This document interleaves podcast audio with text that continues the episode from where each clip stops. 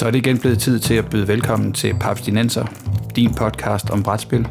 Din studievært er Christian Bak petersen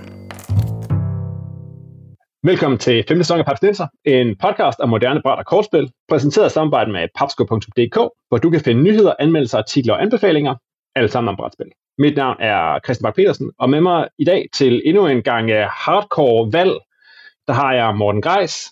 Hallo! Og Peter Brix. Hej hej fordi vi skal i den her episode genbesøge øh, det koncept, som hed Påstand mod Papstand, som viste sig at være en forholdsvis stor succes, da jeg introducerede det tilbage i sommeren 2022. Jeg har lige tjekket. Det var i episode 181, så det er ved at være lidt tilbage. Så, så vi er klar. Jeg har fundet nok nye til banken, tænker jeg til, at øh, vi, kan, vi kan få noget at snakke om. Fedt. Fordi ideen er, at jeg slynger en række påstande ud, omhandlende brætspil og verdenen omkring pappet, og så skal Morten og Peter forholde sig til min påstand med en af de følgende øh, øh, hvad hedder det, svarmuligheder. De kan være meget enige, de kan være lidt enige, de kan være lidt uenige, eller de kan være meget uenige. Det er lidt ligesom sådan en APV, var? ja, præcis. Vi skal ikke have noget af det der neutrale valg, og måske, måske ikke, og det ved jeg ikke rigtigt. Og sådan Nej, vi skal have, man er nødt til at forholde sig til det med en eller anden. Det skal svinge lidt ud til den ene eller anden side. Jamen, jeg, husker, jeg husker fra sidste gang, vi var meget gode til at øh, bare kontant svare, hvad du sagde, og ikke væve i noget. Så det bliver pis godt. ja, præcis. Og, øh, og så kan jeg huske, der var, lidt, øh, der var nogle folk, der lidt sagde det med sådan, om, om, om det var vigtigt, at I fik lov til at svare, altså at I fik lov til at komme med jeres, jeres direkte svar først, og så kunne vi snakke lidt om det, så, så I ikke blev alt for påvirket af, hvad den anden havde sagt, eller sådan noget. Så det mm. kan vi, hvis vi nu kan holde det, så, øh, så, så tager vi den. Så, øh, så fra hoften, hvad I synes, og så kan vi ligesom prøve sådan at, at se, om, om nogle af de her øh, svar eller påstande, de, øh, de kaster noget af sig. Så kan det måske være, at det giver lidt, uh, lidt indsigt i, hvem vi er her hos Papsnenser, hvis man ikke, uh, hvis man ikke har, har fået et godt billede af det indtil nu. er I sådan nogen klar på konceptet? Yep. Meget enig. Åh, oh, du er allerede med. Det er godt, Peter. Det er godt, Peter. Okay. Jeg er en smule uenig så. yes. Jamen, så kører vi bare på, og så ser vi, hvor det fører os hen, om jeg har, om jeg har nok spørgsmål. Sidste gang, der mindes jeg ikke, jeg fik brugt det alle sammen, så jeg, jeg tænker, I, I plejer nok at kunne, uh, kunne snakke om tingene. Okay. Meget Mit enig. første statement var vist en af dem, som jeg tror, da det kom ned over, at man skulle lave en hel episode om, men min påstand, det er, co-op Lovecraft-spil er dårlige, eller som minimum bare ufleksible rollespilscenarier. Jeg skal lige tænke, hvad... Det er enig. Co-op brætspil co-op Lovecraft-spil. med Co-op Lovecraft-spil er i virkeligheden bare dårlige rollespilsoplevelser. Ja.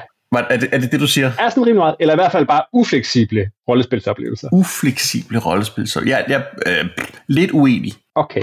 Må jeg forklare, hvor det kommer fra? Ja. Yeah! det kom jo fra, at jeg, at jeg har spillet Mansions of Madness. Og min oplevelse var, at det var som at spille med en super ufleksibel game master, som bare nægtede for, at få nogen måde at drive plottet frem.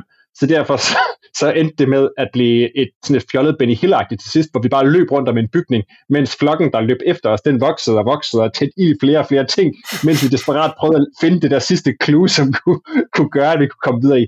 Og tænkte, hvis jeg nu havde været en Call of Cthulhu-spilleder, så havde jeg nok, øh, så havde jeg nok uh, fået scenariet videre, fordi til sidst blev det jo bare, det er jo bare irriterende at fjolle. Jeg tror, at hvis du havde sagt, Mansions of Madness er en ufleksibel rollespilsoplevelse, så tror jeg, jeg havde sagt meget enig. Øh, ja. jeg, jeg, har spillet, jeg har spillet ret meget øh, Arkham Horror The Card Game, og det, der får jeg slet ikke den samme feel, selvom det også er et co-op Lovecraft-spil. Så, så, så altså, jeg, jeg kan godt se, hvad du mener, og, og det er de her meget historiedrevne spil, som ikke har en game master, de kan meget nemt gå hen og blive, altså, at blive lidt som en flad rollespilsoplevelse. Det er jeg ikke uenig i. Øh, men jeg synes, at øh, der, er, der, er, der er også gode Lovecraft-spil derude. Også Coop. Ja, altså jeg kan jo genkende det også lidt fra at have spillet blandt andet Mythos Tales, og så kan jeg ikke huske den specifikke titel, den seneste Sherlock Holmes Consulting Detective, hvor man spiller FBI-agenter, der opklarer øh, Cthulhu-sager, at øh, på det ene plan, så er det noget fed investigation, men der mangler noget omkring den fortælling, som begge spil gerne vil have ned i deres, øh, ned i deres sager, sådan at investigation-delen er fed. Der er nogle fantastiske handouts, blandt andet i den der med FBI-sagerne. Der er så, altså, det er fire, det er fem meget forskellige sager strukturelt set, og der er, den ene af dem har de lækreste bidrag, man sidder og jonglerer med og sådan nogle ting. Øhm, så på den ene side er det, er det noget fed investigation, men der mangler lige den der sådan, lidt stærkere rollespilsoplevelse, som de der sted ligger op til skal være der. Altså, så der, jeg kan sagtens følge kritikken, og øh, det er også derfor, et sted, jeg følger op på Christians, vil jeg sige lidt enig, fordi mm. at, øh, at de netop blandt andet også spil som Mansion Madness, så gerne vil lave noget, der minder lidt om rollespil. Øh, der tror jeg mere, at med sådan noget som Arkham Horror The Card Game, at men til gengæld så får lavet så meget fleksibilitet i scenarierne, at, at det så bliver opvejet uh, som god spiloplevelse. Ja, det, det er nemlig lidt det, jeg føler. Jeg føler også, øh, jeg har spillet lidt Arkham Horror, The Board Game. Det føler jeg også godt lidt kan gå hen og blive sådan lidt Benny Hill-agtigt. Øh, jeg synes, Eldritch Horror er lidt bedre, men det jeg tror også fordi, at for mig bliver det sådan lidt mere... Øh, det bliver sådan lidt mere, hvad skal man sige, øh, fjern, fordi man ikke løber rundt i en by, man løber rundt på hele verden. Så det er, sådan lidt, det er sådan lidt mere abstrakt, og på den måde bliver det lidt nemmere for mig at abstrahere fra nogle af de måske lidt dumme ting, der er i sådan et spil. Så altså, øhm, ja, jeg, jeg, jeg, jeg, det jeg er i tvivl om, det er, hvorvidt det er en Lovecraft-ting. Morten, fordi jeg, jeg, jeg vil sige, at nu har jeg spillet Sherlock Holmes Consulting Detective et par gange, mm. og der har jeg lidt haft den samme oplevelse, som du beskriver med det spil, som jeg tror hedder Bureau of Investigation, colon Arkham Elsewhere. Bureau of Investigation. som er en virkelig, virkelig ikke særlig mundret titel. Men jeg synes lidt, jeg falder ind i den samme øh, oplevelse, når jeg spiller de spil, som det er baseret på. Altså Consulting Detective-spillene. Ja. ja, jeg tror, at øhm, grunden til, at det er så oplagt lige med Call, det er, at det nok er det rollespil, øh, der formmæssigt ligger tættest op af, af det som brætspil, fordi hvis vi havde sagt, sagt det samme med Dungeons Dragons, så havde det været sådan, ja, fordi at altså fra fra fra Charter over til en D&D oplevelse, synes jeg stadig, eller fra Descent til Dungeons Dragons, at, at det, det er en, der er afstanden større, og der fungerer mm. det bedre, mens jeg synes, at Call uh, of Cthulhu-rollespil op versus Lovecraft kooperativ Lovecraft brætspil ligger så meget tættere på hinanden, uh, så det er derfor, det er oplagt at drage på lige der. Ja, det synes jeg, det var det, man, der var min oplevelse. Det var jo, at det var jo super stemningsfuldt. Jeg synes faktisk, app-implementeringen fungerer rigtig godt, og puzzlesne var også gode, og stemningen var sådan egentlig, der var mange fede ting, der, der sådan egentlig kørt for os at give den der call-stemning omkring, ikke? og man, jeg synes ikke, det blev så, så gamey, før det var, at, at vi tydeligvis manglede at banke på den rigtige dør, eller et eller andet, ikke? Og det, er sådan lidt, ah, det blev bare sådan lidt, det blev bare sådan lidt ærgerligt. Sådan lidt, ja. ja, okay, nu, nu, nu, nu gik det bare mest op i terningrull, og, og hvilken vej kan vi løbe rundt om huset, så vi ikke får de her folk til at løbe efter os, så vi lige kan holde dem på afstand, indtil der er en, der løber ind og ringer en klokke, eller, øh, eller ringer på en dør, eller øh, snakker med en rigtig person og ruller det rigtige terningslag. Det var, det, det var så tæt på, og, og så blev det bare lidt irriterende. Mm. Ja. Jeg, jeg har spillet første udgaven en gang, og det var også, altså det var, det var virkelig sådan en, du ved, man får forklaret i scenarieteksten øh, et eller andet, et eller andet, et eller andet, men pas på med at gå ind i fryseren. Det er farligt. Hvad gør en hver rollespiller? Til fryseren. Vi går hen og åbner fryseren. Altså, det er det eneste, ja. vi gør. Så får man at vide, uh, nej, men uh, du kan faktisk ikke finde ud af at åbne den. Vil du prøve igen? Øh, ja, selvfølgelig vil jeg det. Nå, men så er I tabt. What? Uh, okay. Det var harsh. Det var, sådan, det var virkelig sådan en flad oplevelse. Det var så åbenbart, fordi at fryseren var en direkte portal til en eller anden frostdimension, something something. Men det var bare sådan en, ah, så skulle I måske, det skulle I måske ikke have gjort. Det var en dårlig måde at køre det på. Specielt fordi første udgaven af, af Mansion of Madness 2, altså 45 øh, minutter at sætte op og 30 minutter at pille ned igen. Så det var ligesom, øh, man havde ligesom den der en time plus foran sig, hvis man ville prøve en gang til med et andet scenarie. Ja, ah, okay. Det er jeg solgte min, min first edition. Undskyld Elias. Okay, ja. det har der købt det. Okay. Ja, fordi der er jo folk, der har været rigtig glade for First Edition, fordi de jo haft, øh, at det gav dem mulighed for, at de kunne være Game Master i det, mm. ikke? hvad man jo ikke kan med Second Edition, hvor du har appen overtaget. Så jeg kan da huske, da det kom, at der var sådan lidt et, et lille skisme mellem dem, der var glade for, at nu var der en, en app, der sikrede, at du kunne ikke lave nogen fejl i opsætningen, opsætningen gik hurtigt, kontra det, at du fratog folk muligheden for faktisk at have Game Master-rollen i spillet, fordi det var der helt klart nogen, der fik en god spiloplevelse ud af at have. Ja, ja. det kan jeg sagtens følge. Altså begge dele. Mm. Mm. Ja. Nu har vi nok vævet for meget af det, mm. tror jeg, Christian skal til at sige. Ja, men det var, det, var, det var godt. Der var noget at snakke om, selvfølgelig. Okay. Nå, næste påstand. Min påstand er, jeg prioriterer hellere at spille 10 spil én gang, end et spil 10 gange. Lidt enig. Lidt enig. Åh, ja. jeg mindes, at det var lige før jul, hvor vi snakkede om, at 2023, det skulle være det store, det skulle være det store spil, spil nogle, det samme spil nogle flere gange, Mhm. mm-hmm. allerede nu. Året er ungt. Men det, det er også fordi, det er pokker svært. Der, der er så mange rigtig gode ting, nye ting, jeg gerne vil prøve. Der er så rigtig mange gode ting, jeg gerne vil prøve igen. Så, så jeg tror mere for mig, jeg tror måske taget bare var for stort, fordi jeg vil gerne genspille en hel masse spil, men jeg har ikke nødvendigvis lyst til at lige sætte dem op og købe igennem 10 gange i streg, før jeg kaster dem over det næste. Øh, så, så jeg tror også bare, det er sådan en, hvor man lægger op til, jeg vil gerne begge dele jo. Det er jo det. og, så, og så vælger I trods alt lige at prioritere. Så er I lidt enige, at I prioriterer lige de 10 en tand højere. Ja. Okay, Ja. vi tager en mere. Ævelse i stemmen, men ja. Ja, okay. Nå. Jeg vælger spil fra, baseret på deres Board Game Geek rating. Hmm. En smule enig. Lidt uenig. Okay. Det er jo sådan en fælde, man kan gå i. Det er jo det, altså hvis et spil scorer en 2, 1, 2, 3, 4 point, og det er ikke fordi, der lige har været en eller anden flok vrede Kickstarter-fans, der har været inde og, og scoret ned på en etter eller sådan et eller andet, jamen så, så har jeg sådan lidt, hvis den har en tilpas med stemmer, så er der sgu nok noget om det, og når der er så mange forskellige spil, jeg gerne vil prøve, og der er så mange af dem, der stadig scorer 6, 7, 8, 9 og så videre, ikke? Mm. Jamen, så prioriterer jeg sgu øh, at tage alle de der federe, før jeg tager dem, der scorer rigtig ringe, fordi at altså jeg har kun så så mange timer til at spille brætspil i, um, så, så, det, så jeg et eller andet sted vil have lov til at fravælge noget, som får rigtig ringe omtale.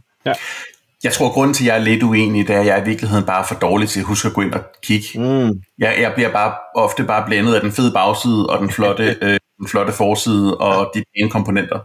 Og så, så, så når jeg nok ikke meget længere i min research ofte.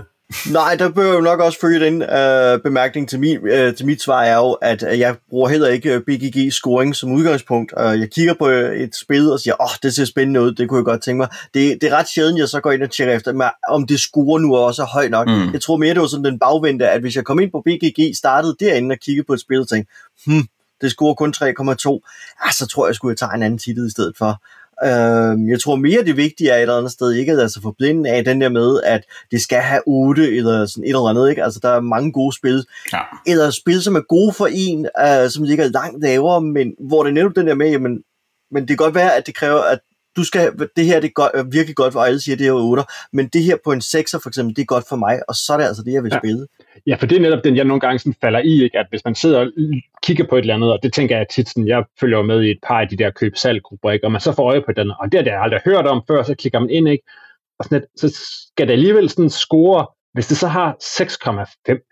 det er jo ikke, det er jo ikke nogen dårlige score, og det kan være spredt ud over rigtig mange, så er jeg stadig sådan ah, så bliver jeg alligevel sådan lidt, jamen, jeg vil egentlig helst have det over 7, men, men det er jo sådan en ret høj score faktisk, også fordi folk, de jo generelt sådan, syv, så skal der ikke være, så skal der ikke være alt for mange, der trækker ned. Så det er også lidt det der med, hvor man ligger snittet, ikke? Altså, fordi Ja.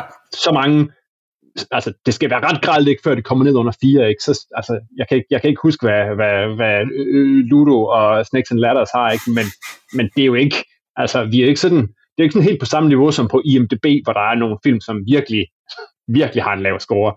altså, du skal virkelig, det er virkelig ret, hvis du kommer, kommer så langt ned, ikke? Og det gør det jo også lidt svært at manøvrere i, ikke? Når der er så mange spil, der ligger i ja, stedet mellem 6,5 og 7,5. Ikke? Mm. Jo, men du har jo også det, at i, i dit eksempel der, der er der jo også en anden person, der er allerede i gang med at skille sig af med det spil. Øh, så vil jeg, Hvorfor vil han hvorfor, hvorfor det? gør han nu det? Der vil jeg nok være mere tilbøjelig til at kigge på Board Game Geek, end hvis jeg ser et spil nede i butikken. Ja. Og så skal det jo siges, Morten og jeg ser alt for mange brætspil. Det er det. Det skal man altså også lige huske. Ja, det er rigtigt. Okay. Øh, næste påstand. Min smag i brætspil har ændret sig markant de sidste tre år. Meget uenig. Uh, den tror jeg også, jeg går på meget uenig. I kan stadig give, øh, det er stadig samme type spil, som, øh, som trækker. Det gør de stadigvæk, øh, men det er også, det er jo igen tre års skala, er jo virkelig, når man spiller, genspiller så få spil, så, så, så bliver man jo et eller andet sted ved at hænge og synes, jamen det her er jo stadig godt, jeg har ikke spillet det i tre år, men det var godt for tre år siden, det er sgu sikkert godt stadigvæk. Um, så Nej, jeg tror mere, at det ligger den anden vej rundt, at lige nu kan jeg se, at for en 5-6 år siden spillede jeg mange flere worker placement spil, end jeg gør nu. Men jeg synes også, at der er udkommet meget færre brætspil, øh, navngivet efter historiske eller mid, europæiske middelalderbyer. Uh, der, der er simpelthen færre bynavne på hylderne lige for tiden. Så jeg tror lige så meget, det hænger sammen med, at det, der ligesom var, var hip med worker placement spil, det er blevet altså ud, eh, altså spredt mere ud over mange flere forskellige mekanismer og så videre, øh, som man, bortset fra roll and move genren, som lige nu er bare en, en meget stor genre, sådan, når man kigger på mængden af udgivelser, så synes jeg fedt er så diffus, så det er ikke fordi, jeg, jeg bryder mig mindre om worker placement end før, det, der er bare længere mellem dem, i hvert fald de rene worker placements, jeg støder på. Ja. Men det giver god mening. Der, altså, der, altså, de franske, franske midler, de kan jo også blive så små, at ingen, ingen kender dem. det er det. ja, altså for, for, for mig, jeg ved ikke, om jeg vil sige, at, at det har ændret sig, men altså at udvidet er vel også at ændre sig i sidste ende, så, så det har den jo nok, men altså det, det, som udgangspunkt synes jeg ikke, at der er en... Du spiller, du spiller, flere, du spiller vel flere solospil nu, end du gjorde for tre år siden? Eller? Ja, det gør jeg, det gør jeg, men, men, men igen... Øh, så er, er solospil så en, øh, en genre af spil? Det kan man jo så, genre for sig selv. Ja, så definere. Der findes jo både worker placement og dice chuckers. Og... Ej, ej, det var mit næste spørgsmål, Peter. Hvor ah, enig er du i det? undskyld. Nej, men altså, øh, ja, jeg, jeg, jeg synes ikke, jeg, jeg finder et spil, som jeg var vild med for tre år siden, men jeg tænker, øh, nu er det noget lort. Sat meget på spidsen. ja, ah, det er fair nok. Cool. Næste påstand de store podcast- og YouTube-brætspilsanmeldere har for stor indflydelse på, hvad der slår igennem. Lidt enig. Oh, lidt uenig, bare for at tage modsat Peter. Fordi vi har jo snakket om det ikke nogle gange, ja. ikke, hvor, hvor, hvor sådan noget med, hvor, hvor meget at uh, en, uh, en shut up and sit down anmeldelse kan, kan, kan skubbe nogle ting, ikke? Mm-hmm. Mm. Ja, og det, det er så det. Øhm, jeg er, jeg er ikke sikker på, at der er andre, der har den helt store magt, som de har stadigvæk. Altså, med set, set som med distributørhatten på, så er det ikke, det er ikke særlig mange andre, der laver en anmeldelse af noget, og så tidobler salget af en titel. Hvis der, altså, jeg, jeg kan ikke komme på nogen andre end Shut Up and Sit Down, der har gjort det. Mm. Det sidste års tid i hvert fald. Det sidste par år. Jeg skal nogle år tilbage, så har blandt andet Thomas Wigge jo også været rigtig ja. god til at uh, påvirke markedet med sine anmeldelser i aviser. Det, det, jeg synes ikke, den har den samme gennemsnitskraft længere, uh, men jeg skal ikke lige kunne sige, om det er avismarkedet, der har ændret sig, eller hvad det er, der sker der. Nej, det, det, det, det er svært at sige, men det er rigtigt, uh, han, han, var, han var rigtig udslagsgivende, specielt ved at vælge titler, der ikke var til at få mere. Ja. det, tror jeg, det tror jeg, alle i branchen har været træt af på et eller andet tidspunkt. Fy, Thomas. Nej, men det er, øh, det, det, det er en ting, og det, det sker, men, og, og jeg synes, det er, altså, det, det, kan være, det, kan, det kan for os i branchen være frustrerende at skulle skuffe så mange mennesker, som man nogle gange mm. skal, når, når de her, øh, når Shut Up and Sit Down anmelder et eller andet hestevedløbsspil, som øh, øh, det sidste eksempel, jeg lige kan komme på som et spil. Mm. Jeg kan desværre ikke huske, hvad det hed, men det var sådan en... Kan du huske, hvad det hed, Morten? Åh, oh, jeg har glemt. Jeg ved godt, der var et der. Jeg har også lige glemt titlen. Men der, nej, altså, jeg tror, det der for mig nok også hænger, det hænger lidt sammen på, hvem der er anmeldt, ikke? Altså nu, hvis det var et eller andet corporate uh, ting, som var den for, forlængede arm af et forlag, som uh, prakkede folk spil på, ikke? Og sådan malet op i værst hjørne, mm. ja, så, så vil jeg have noget mod det, men når nogle dedikerede brætspilsentusiaster, som, som Shut Up and Sit Down, jo, som i mine øjne virker meget ærlige, og altså både med deres holdninger til, og hvad deres hvad de hvordan de positionerer sig i forhold til markedet og til spil osv., jamen så synes jeg sådan set kun, at det er en god ting, at der er nogen, der kan inspirere folk til at komme ud og prøve noget nyt. Øh, så så i, det er nok derfor, jeg har sådan et, jeg synes, som på det punkt oplever jeg ikke en, en urimelig indflydelse fra, fra anmeldere, så i hvert fald ikke som Shut Up and Sit Down øh, på brætspilsmarkedet. Men der var, jeg synes, der var sådan lidt for, for nogle år siden, ikke, at der var sådan, at, at en, tom, at en, en, en, hvad hedder det, en, hvad hedder det, en Dice Tower anmeldelse, den lidt også kunne sådan et make or break et spil, at hvis man fik, hvis Tom Vassel sagde tommelfinger ned, og ikke, ikke godkendte det, så var det, så var det hårdt, sådan, særligt sådan omkring Essen-tid og sådan noget, ikke? Hvor, hvor, hvor, hvor der ting var virkelig i spil, ikke? så sådan et, at, at det også kan være med, med negativt foretegn, at det ikke kun var sådan, wow, nu skal alle folk spille, hvad hedder det, mm. det, det bedste nye ting nogensinde, ikke? Og man mindre Tom Vassel blev rigtig vred, så vil alle folk også have det. han, han, han, han har et par gange lavet det der, hvor han brænder et spil af, eller sådan et eller andet, og så lige pludselig vil alle folk have fingrene i hvad ved jeg, Mr. Game, tror jeg, der var et, der hed. Så skal man se, se, se giraffen. Ja. Mm. Ja. Så blev det pludselig sjovt at have, have spillet, han blev vred på.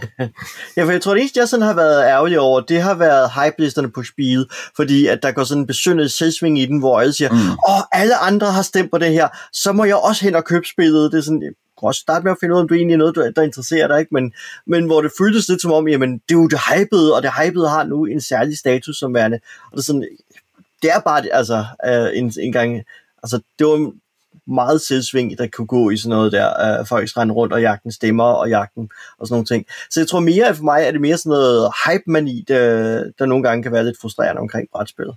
Mm. Jamen, det giver godt nok. Næste påstand. The best thing about Hero Quest is the gargoyle.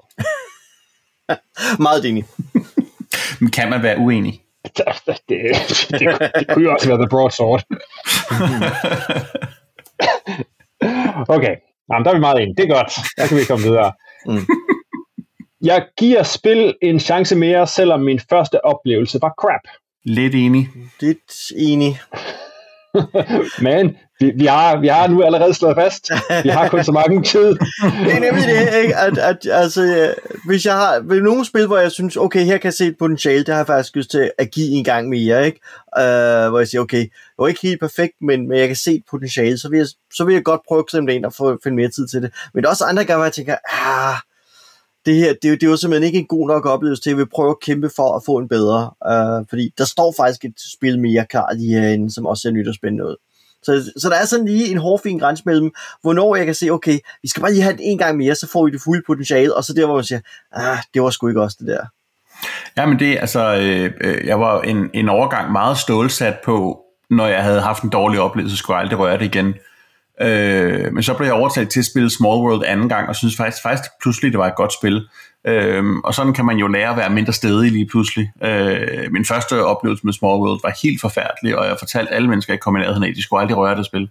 Øh, men, så, så, men jeg vil sige, det kræver stadigvæk, at der er et, jeg kan se et potentiale i spillet. Altså det er ikke, øh, hvis, hvis, hvis, hvis jeg har siddet med et spil, hvor jeg bare tænker, der er intet her, der fungerer, så kommer jeg ikke til at røre det igen. Mm. Altså det er, øh, jeg har haft spil med hjem fra, fra Essen, hvor at, øh, øh, altså komponenterne matchede ikke, hvad der stod i regelhæftet, og det, der stod i regelhæftet, var desuden Google oversat, ikke? Hvor det sådan er, ah, det her tror jeg ikke, jeg behøver at røre igen. Nu har jeg ligesom prøvet at give det en chance, men, øh, men jeg fik da nogle, øh, nogle glassten for, for to euro. Det må jeg være glad for. så jeg ved ikke.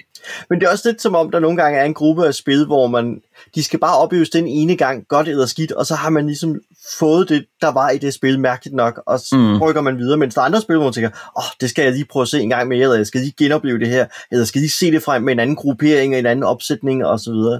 Det, det, jeg synes, det, der, der nogle gange er ligesom to grupper af spil, uh, uanset kvaliteten også. Dem, der bare skal lige prøve en gang, og dem, man gerne vil blive ved med at spille. Jamen, og, og der er bare nogle spil, hvor det er den her, at vi skal alle sammen helst være på samme niveau, for at vi har en god oplevelse. Øh, fordi at spille, at, at spille øh, øh, øh, Terraforming Mars, hvis jeg har spillet det 100 gange, og jeg spiller det med en, der har spillet det en gang, så kommer jeg til at tryne den her stakkel, der sidder og prøver på at overskue alting. Der er det lidt bedre, at vi er på samme niveau, ikke? Øh, Mm.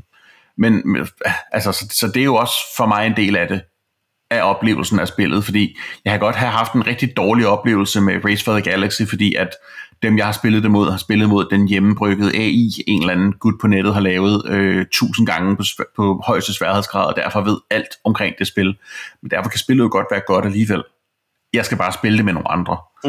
Øh, så det er også en øh, helt tænkt eksempel, intet med virkeligheden at gøre selvfølgelig. Med ingen, ingen nævnt, ingen glemt. Men øhm, Okay, men det kan være, det leder lidt frem til øh, den, der hedder, der er spil, jeg kun vil spille med folk, jeg kender. meget enig. Enig, ja. Også meget enig. Den startede egentlig med, at jeg spiller helst med folk, jeg kender. Det kan være, at I også er enige i den. Nej, ikke enig. Jeg skal også sige øh, øh, meget uenig. Okay, Nå, så kan det være, ved, det, altså der er særlige, særlige spil.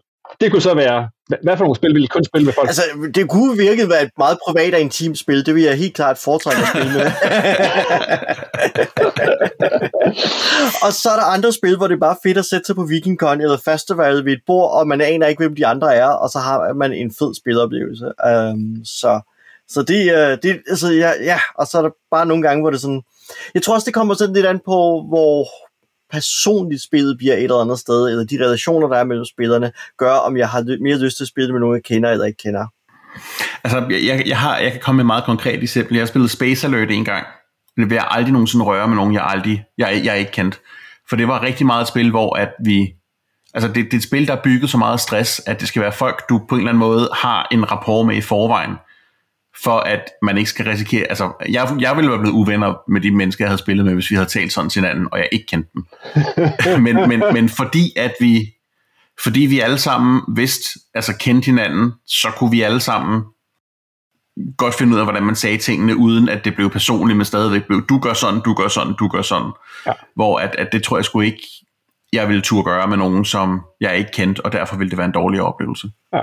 Og så er du netop der, hvor du gør, vælger det, den type spil præcis med folk, du ikke kender, fordi du tænker, jeg skal aldrig spille med dem her igen, så derfor kan jeg nu tillade mig at gøre det her, ikke? Altså, mm. det er ikke spil. Jeg bare alfa-spil dem så vildt. det, det. Altså, nu tænker jeg mere sådan noget, eller Junta, eller... Jeg skulle slå op med de her venner, så vi spiller Diplomacy, så det, det, det behøver jeg aldrig altså, tænke det, på dem igen. Ja, det er folk aldrig skal spille med igen, så jeg kan roligt stikke dem i ryggen i Junta eller Diplomacy, eller sådan noget af den stil. Okay. Jamen, det var sjovt, at det alligevel sådan var, var, var to helt forskellige. Nå, jeg har et par enkelte tilbage her. En, der hedder, øh, artwork er vigtig, når jeg køber nye spil. Lidt enig. Ja, lidt enig. Altså, der, der er helt klart... Det kan, det kan blive for grimt. Det kan blive for grimt. Uh, der er nogle spil, hvor jeg kigger på dem og tænker, ej, ej, ej det, det er simpelthen så grimt, så det vil jeg ikke uh, røre ved. Altså, de, de, de findes. Uh, jeg har set uh, et Harry Potter rejseludo, for eksempel, som jeg synes er så ræddeligt grimt, at, at jeg ikke vil røre ved det, ikke? Um, så, så, så jo, der er, der er spil. Men det er også, igen, det er en hård fin balancegang. Altså, jeg synes for eksempel ikke, og det tror jeg mange af I uheldigvis er enige med mig i, at Terraforming Mars for eksempel, er ikke et smukt spil. Det er et godt spil, men det er ikke et smukt spil, og jeg mm. vil, tror, at det kunne være fantastisk, hvis de fik uh, Vincent Dutré til at illustrere samtlige kort i spillet, ikke? Altså, så, så vil jeg jo spille det så meget mere, altså. ja. Jamen det, det er sjovt, fordi jeg tænker også på, øh, der, der er en hel subgenre af, øh, hvordan siger man det sådan lidt stuerent, japanske stuepigespil, som jeg aldrig nogensinde kunne finde på at røre, selvom at det muligvis har et godt spil derinde. Øh, jeg kender mennesker, der spiller dem og siger, at det er meget gode spil, men jeg kunne aldrig nogensinde finde på at købe øh, Tantukore for eksempel. Så ved jeg godt, så kunne jeg bare købe Dominion, øh, fordi at, at grundspillene er vist det samme. Men, men, men der er bare, altså det, det er også en ting. De kan godt være nok så gå så en pæne, ja. øh, men, men, men artworket vil stadig gøre, at jeg ikke vil købe dem. Ja. Ja, præcis. Jamen, det kunne godt være... Sag, sagde manden, der siger, så, så alligevel på Essen købt Pornhub-spillet. men altså... ja, jamen, præcis. Jamen, det er også det, altså, det, at det godt kan være en, en, en, en illustrationsstil, som ikke sådan er grim, men som bare ikke er min stil. Altså, jeg mm. tænker jo, det, er også, altså, det har jo historisk været det, der har skræmt mange folk væk fra en masse Eurogames. Det bare, at de så så tørre ud, ikke? Ja. selvom de måske ikke bare sige, at det var var grimme, grimme, men, men bare man, man kigger ud i horisont med borg i baggrunden. ja. Jeg tror også, at det er nogle gange lidt afhængigt af forledets størrelse for mig. Ikke? Hvis jeg ved, at det her er en lille bitte producent, der knap nok har råd til sit artwork versus en, en stor veletableret udgiver, ikke? så jeg tror jeg også, jeg er lidt mere villig til at sige, hvis, øh, til at gå med et, et mindre pænt spil, fordi jeg tænker, okay, de har sgu ikke råd til det, men hvis det er Fantasy Flight, der laver et eller andet, der så grimt ud, for eksempel, så vil jeg sige sådan, okay, hvis I kan kunne tage jer sammen til at gøre det her spil pænt at kigge på.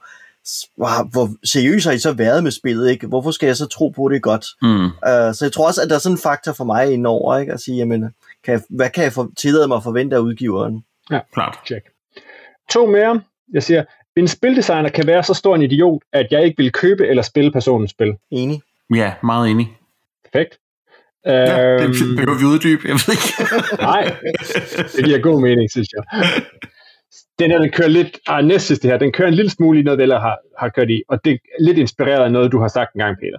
Fedt. Mit liv er for kort til at sætte mig ind i spil, der var 5 plus timer og kræver 5 plus spillere. Twilight Imperium.